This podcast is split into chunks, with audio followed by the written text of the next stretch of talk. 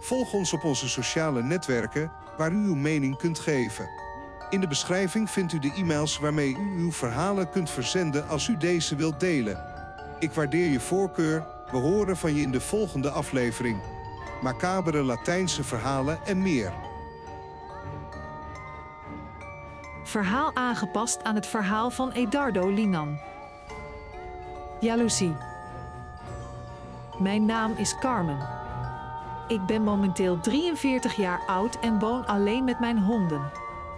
De waarheid is dat ik financieel goed leef dankzij een pensioen dat mijn man mij in andere aspecten van mijn leven heeft nagelaten. Het is een hel. Mijn leven werd verdraaid als gevolg van een beslissing die ik tijdens mijn jeugd nam op basis van jaloezie. Het begon allemaal toen ik ongeveer 20 jaar oud was. Ik werkte in een stoffenwinkel in het centrum van Tampico. Ik had veel metgezellen en vrienden op die plek. Ze was blij, heel blij, herinnert Jezenia zich. Ze was een van mijn beste vriendinnen. We gingen samen naar de film, eten en wandelen op het strand. Onze vriendschap was onbreekbaar. Totdat op een dag het nieuws kwam dat mij wat verdriet en woede bezorgde. Mijn beste vriendin was de vriendin geworden van een klant die regelmatig naar de winkel ging. Ze was de vriendin van Fernando Ramirez geworden. Hij was een heel knappe en attente man. Hij had een glimlach die iedereen boeide. In het begin gingen we met ons drieën uit als vrienden, maar beetje bij beetje ontstond er een kloof tussen mijn vriend en mij. Vanwege haar verkering werd ze elke keer dat hij haar ging zoeken steeds meer vergiftigd door jaloezie en afgunst. Ik zat te denken wat ze zouden doen. Of gewoon om haar vriend te zien, niet mijn vriendin, haar vriend. De waarheid is dat ik haar vriend op een morbide manier aardig begon te vinden. Ik fantaseerde vaak over hem en zondag beetje bij beetje begon hij afstand te nemen van mijn vriend, tot het punt dat we nauwelijks meer spraken. We hadden allebei een hekel aan elkaar vanwege haar vriend. Ze besefte al dat ik hem wilde en flirte met hem wanneer ik maar kon. Op een middag kwam hij met wat bloemen voor Jes en ik ging zoals gewoonlijk hallo zeggen. Ze keek me minachtend aan en ik wilde haar nog meer irriteren. Ik arriveerde en kuste haar vriend op de wang.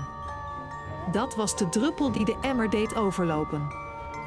In een vlaag van jaloezie en woede gaf hij mij een klap. We begonnen allebei ruzie te maken en ruzie te maken. Onze collega's moesten ons scheiden om daar, in de winkel, te gaan vechten. Fernando keek me serieus aan. Hij vertelde me dat hij me weer wilde zien, met me wilde praten of van me wilde horen. Om mij bij hen vandaan te krijgen. Dat en de vernedering zorgden ervoor dat hij een diepe haat jegens Jezenia voelde en een steeds grotere gril jegens Fernando. Op de een of andere manier moest ik ze scheiden en mijn ding doen, wat het ook was. Precies op dat moment begon mijn hele hel. Rond die tijd kwam er een vrouw genaamd Raquel naar haar werk. Ik begon vriendschap met haar te krijgen en naarmate de dagen verstreken, kreeg ik vertrouwen. Ik vertelde hem veel dingen. Ik vertelde hem over het ongeluk met Jezenia. Ze zei dat ze op de hoogte was van het hele argument dat er oplossingen waren, een oplossing om ze allebei te scheiden. Maar ze waarschuwde me dat ik bereid moest zijn alles te doen wat nodig was om die relatie te verbreken. Ik zei hem, zonder er een moment over na te denken, ja, dat ik het zou doen, dat ik elke grens zou overschrijden om ze te scheiden. Ik wilde dat ze zouden lijden en ik wilde bij hun vriend blijven. Ik wilde mijn voeten niet. Dus het weekend daarop nam hij me mee naar een dame die aan hekserij deed.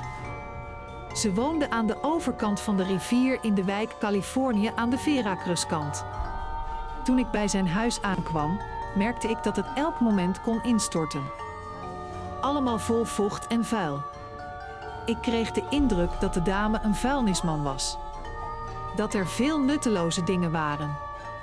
Overal vieze dingen. En de benen trilden. Maar ik besloot de drempel van de deur over te steken en de groeiende angst die ik had te blijven negeren.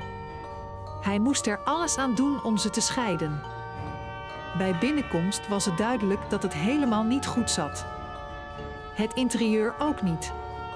Ze zaten in het donker. Dat stinkende trottoir vol kaarsen en ranzige olie. Mijn vriendin riep de naam van de dame en ze kwam uit de schaduw en rookte een sigaret.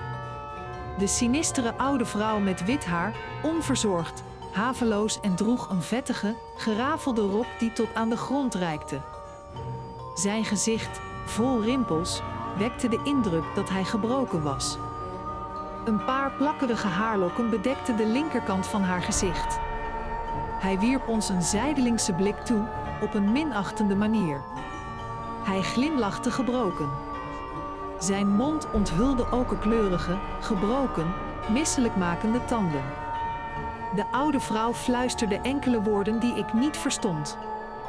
Hij vertelde me dat hij ons had gevraagd om bij een tafel te gaan zitten.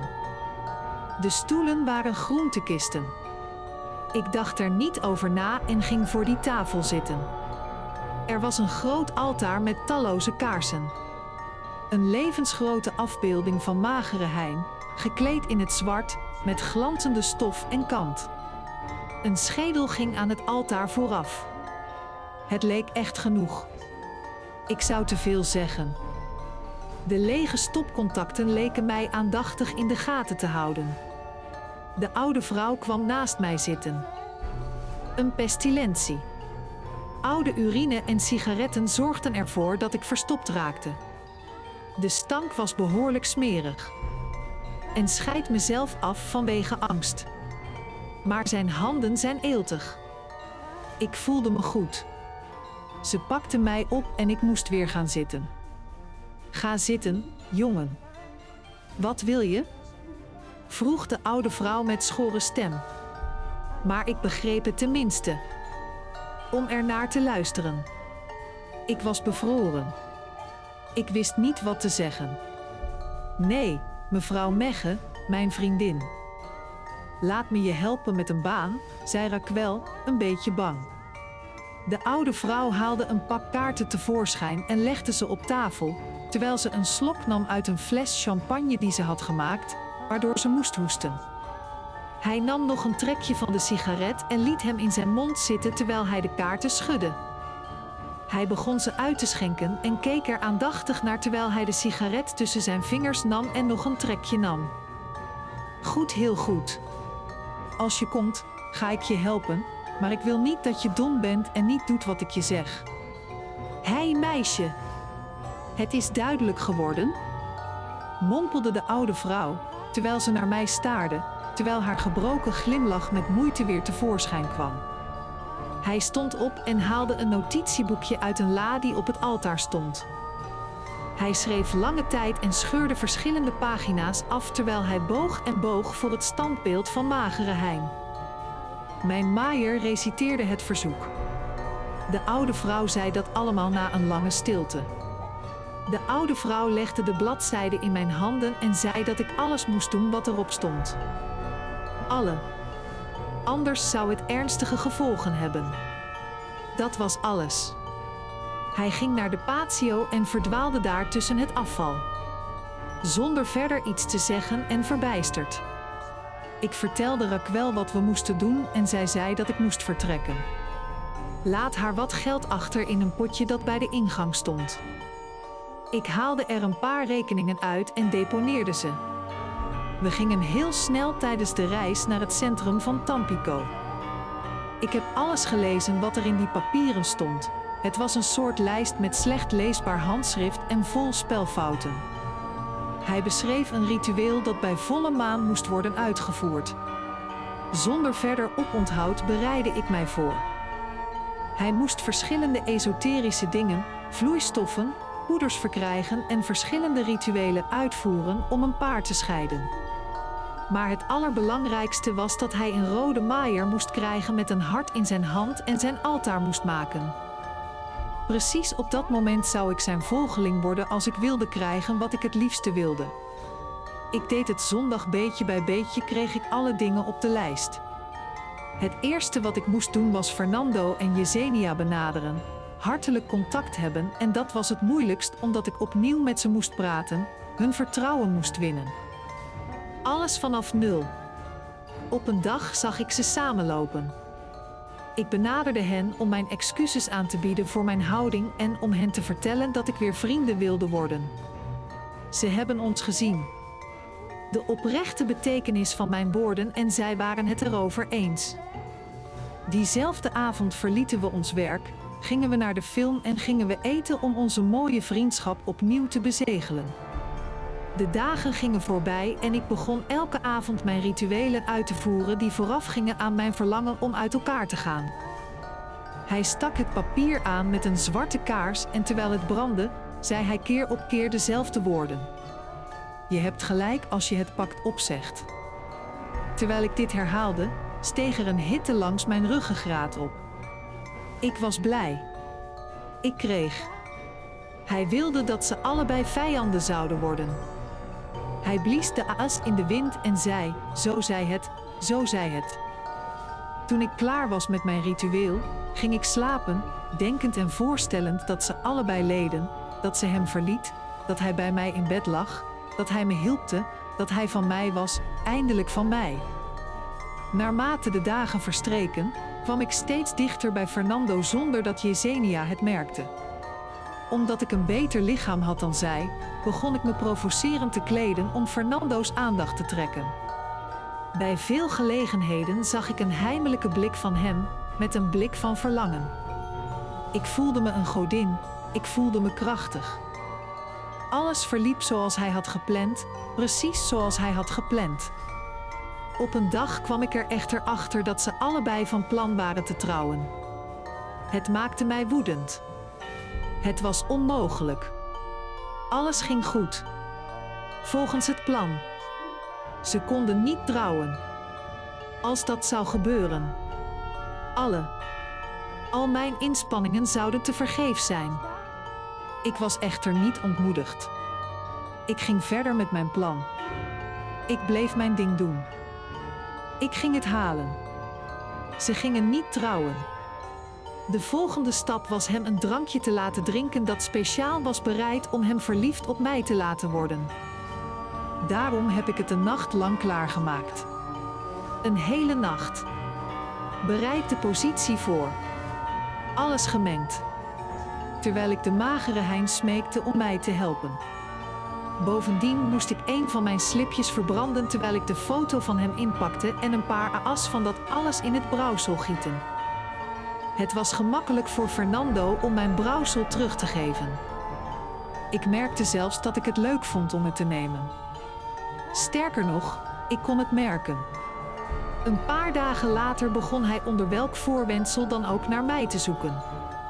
Dat was voor mij een totale triomf. Fernando lag al aan mijn voeten. Op een avond, terwijl ik de bezwering aan het uitvoeren was, hoorde ik iemand met aandrang op de deur kloppen. Door te gaan kijken wie het was. Tot mijn verbazing zag ik dat het Fernando was. Ik trok snel een kamerjas aan, kamde mijn haar een beetje, deed lippenstift op en ging hem begroeten. Goedenacht, Carmina. Ik kan passeren? Hij vroeg het mij met enige twijfel. Natuurlijk, het is jouw huis. Vooruit. Ik antwoordde. Bij binnenkomst zat hij in een fauteuil, sinds kort nog. Hij zag er moe uit. Het duurde niet lang voordat hij begon te praten. Hij vertelde me dat hij spijt had van zijn bezoek, maar dat hij me iets belangrijks moest vertellen, iets dat niet kon wachten. Hij. Hij zou met Yesenia trouwen. Ik wilde alles duidelijk maken. Ik wilde geen misverstanden en Fernando kwam mij vragen om daar uit de buurt te blijven. Ik, enigszins verveeld door zijn verzoek, toverde een prachtige glimlach tevoorschijn terwijl ik mijn benen naar de middelste tafel ophief en ik merkte hoe zijn blik verrukte in mijn dijbeen.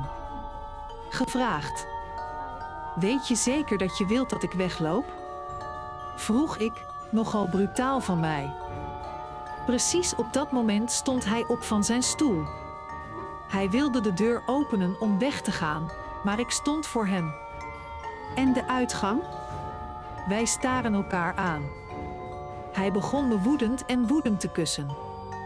Ik genoot van mijn triomf toen, zonder waarschuwing, Het geluid klonk van een buurvrouw die haar deur opende. Wij moesten stoppen. Hij rukte zich van me af en probeerde weg te rennen terwijl ik hem naar binnen probeerde te krijgen, maar dat lukte niet. En uiteindelijk vertrok hij. Mijn hart klopte snel en een enorme vreugde stroomde door mijn hele lichaam. Het zou eindelijk van mij zijn.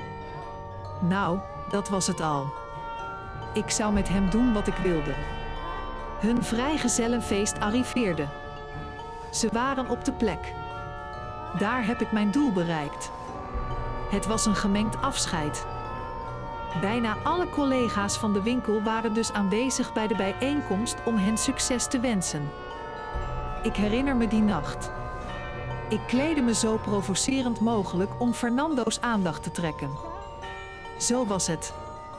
We wisselden tijdens het gezelschap blikken uit. Er was een tijd dat ik naar de wc ging. Ik was in een van de kamers, ik maakte mijn make-up vast en vertrok. De kamer was donker, maar ik zag dat hij voor me stond. Voordat ik iets kon zeggen, pakte Fernando me bij mijn middel en begon me te kussen. Vanaf dat moment ging alles heel snel. Lust dwong hem steeds sneller te gaan. Ik voelde plezier. Ik had het gevoel dat hij dat ook deed. Toch dwong mijn gezond verstand mij te denken dat iemand binnen kon komen. Ik bedoelde dat er ieder moment iemand zou kunnen komen om ons te vinden. Ik wilde het hem vertellen, maar dat deed ik niet. Ik heb hem niet laten stoppen. Ik heb hem zelfs aangemoedigd om door te gaan. Het geluid van de deur die openging bracht ons snel terug naar de realiteit, maar mijn hart klopte uit mijn borst en hij was nerveus. De collega die binnenkwam was zo dronken dat hij niets merkte.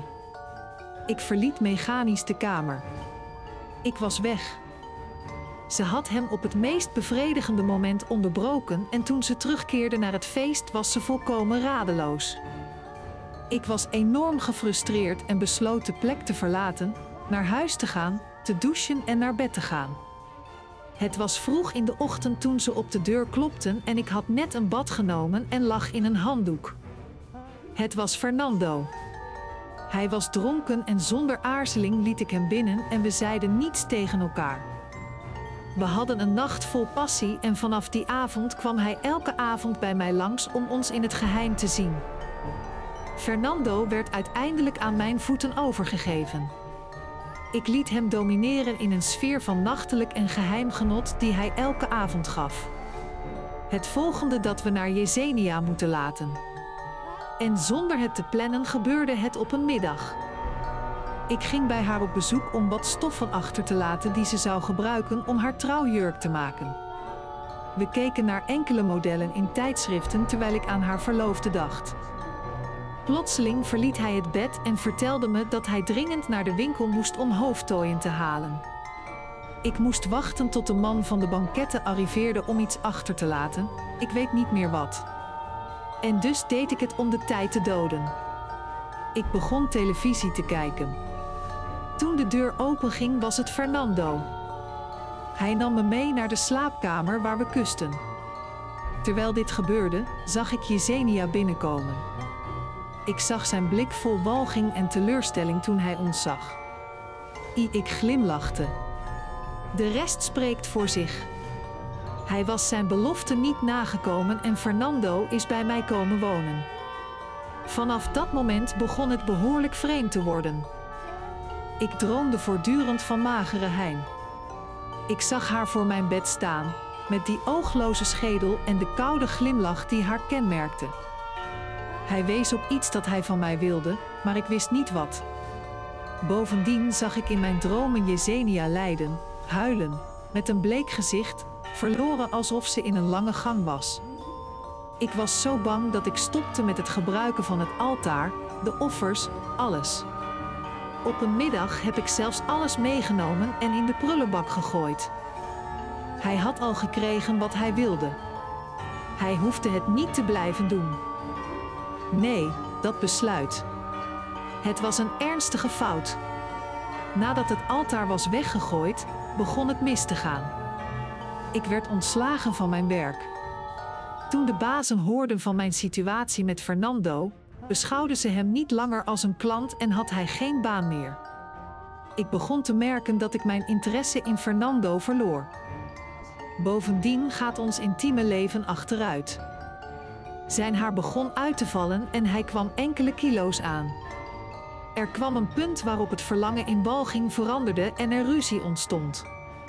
Ik wilde hem uit mijn huis schoppen, maar hij was geobsedeerd door mij.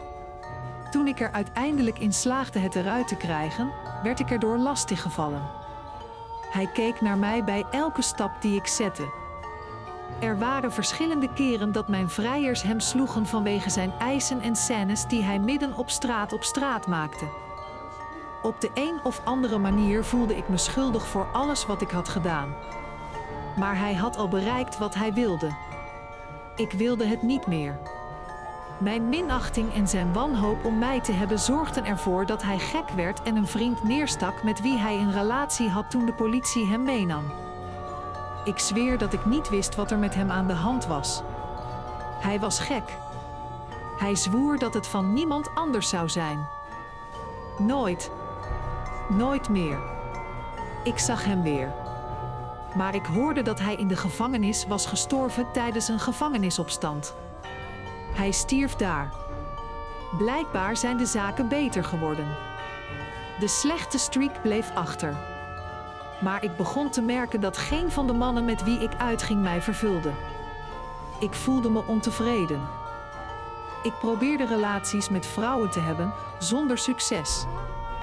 Er was iets mis met mij. Wat gebeurde er met mij? Om de een of andere reden niets. Helemaal niets. Het maakte me blij. Toen dacht ik dat alles wat ik had gedaan gevolgen zou hebben gehad. De mannen die mij benaderden, hielden het niet langer dan een week bij mij vol. Geluk was voor mij een vreemd woord. Die situatie zorgde ervoor dat ik Tampico verliet en naar Torreon ging, waar mijn familie vandaan kwam. Maar toch veranderden de zaken niet. Ik was ongeveer 32 jaar oud toen ik de man ontmoette die mijn echtgenoot zou worden. Ik trouwde omdat ik een kind wilde hebben, maar mijn huwelijk was een hel.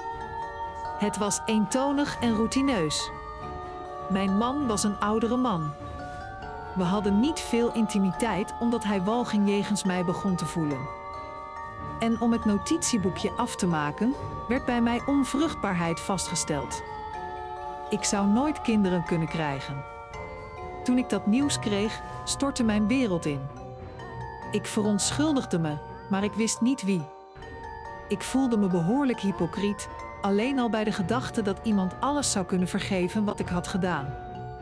Dus nam ik ontslag en aanvaarde mijn eigen lot. Aan mijn pech hield geen einde en kort daarna kreeg ik bericht dat mijn man was overleden. Tijdens een ontsporing was ik volkomen alleen gelaten en zonder hoop mijn leven weer op te bouwen. Elke keer als ik het probeerde, liepen de mannen gewoon weg. Zelfs tegenwoordig droom ik nog steeds over magere Hein die mij s'nachts bezoekt. Elke nacht. Ik zie mezelf ingevallen, haar kassen leeg en koud, en soms zie ik haar overdag vanuit mijn ooghoeken naar me staren en lachen, met haar gebroken glimlach. Ik kan niet stoppen met denken aan dat moment toen ik de laatste zin van de instructies van die heks las. Als je een deal sluit met Santa Verte, is die voor altijd. Ik stel me voor dat ze me bespot met haar walgelijke Yesenia-glimlach. Jaren later hoorde ik dat ze overleden waren. Ze wist niet of het kwam door haar breuk met Fernando of om andere redenen. Er zijn nachten dat ik haar de hele tijd in de schaduw van het huis kan zien, mij ziet met een blik van verwijten en haat, wachtend op het moment om mij in het hiernamaals te hebben en wraak te nemen. Neem wraak voor alles wat ik hem heb aangedaan. Ik verontschuldig me niet, dat zou hypocriet zijn. Ik heb ervan genoten zolang het duurde, maar meer niet. Het is het helemaal niet waard geweest. En ik hoop dat dit een waarschuwing is voor iedereen die naar mij luistert. Ik hoop dat je mij niet veroordeelt, maar als je dat wel doet, onthoud dan dat we allemaal staarten hebben waarop gestapt wordt en dat we ergens voor gezondigd hebben. Volg ons, abonneer je en deel op YouTube. Dit helpt mij verder met dit project. Geef je mening. In de beschrijving vind je de e-mails om je verhalen te versturen voor het geval je ze graag wilt delen. Ik waardeer uw voorkeur. Tot de volgende aflevering. Macabere Latijnse verhalen en meer.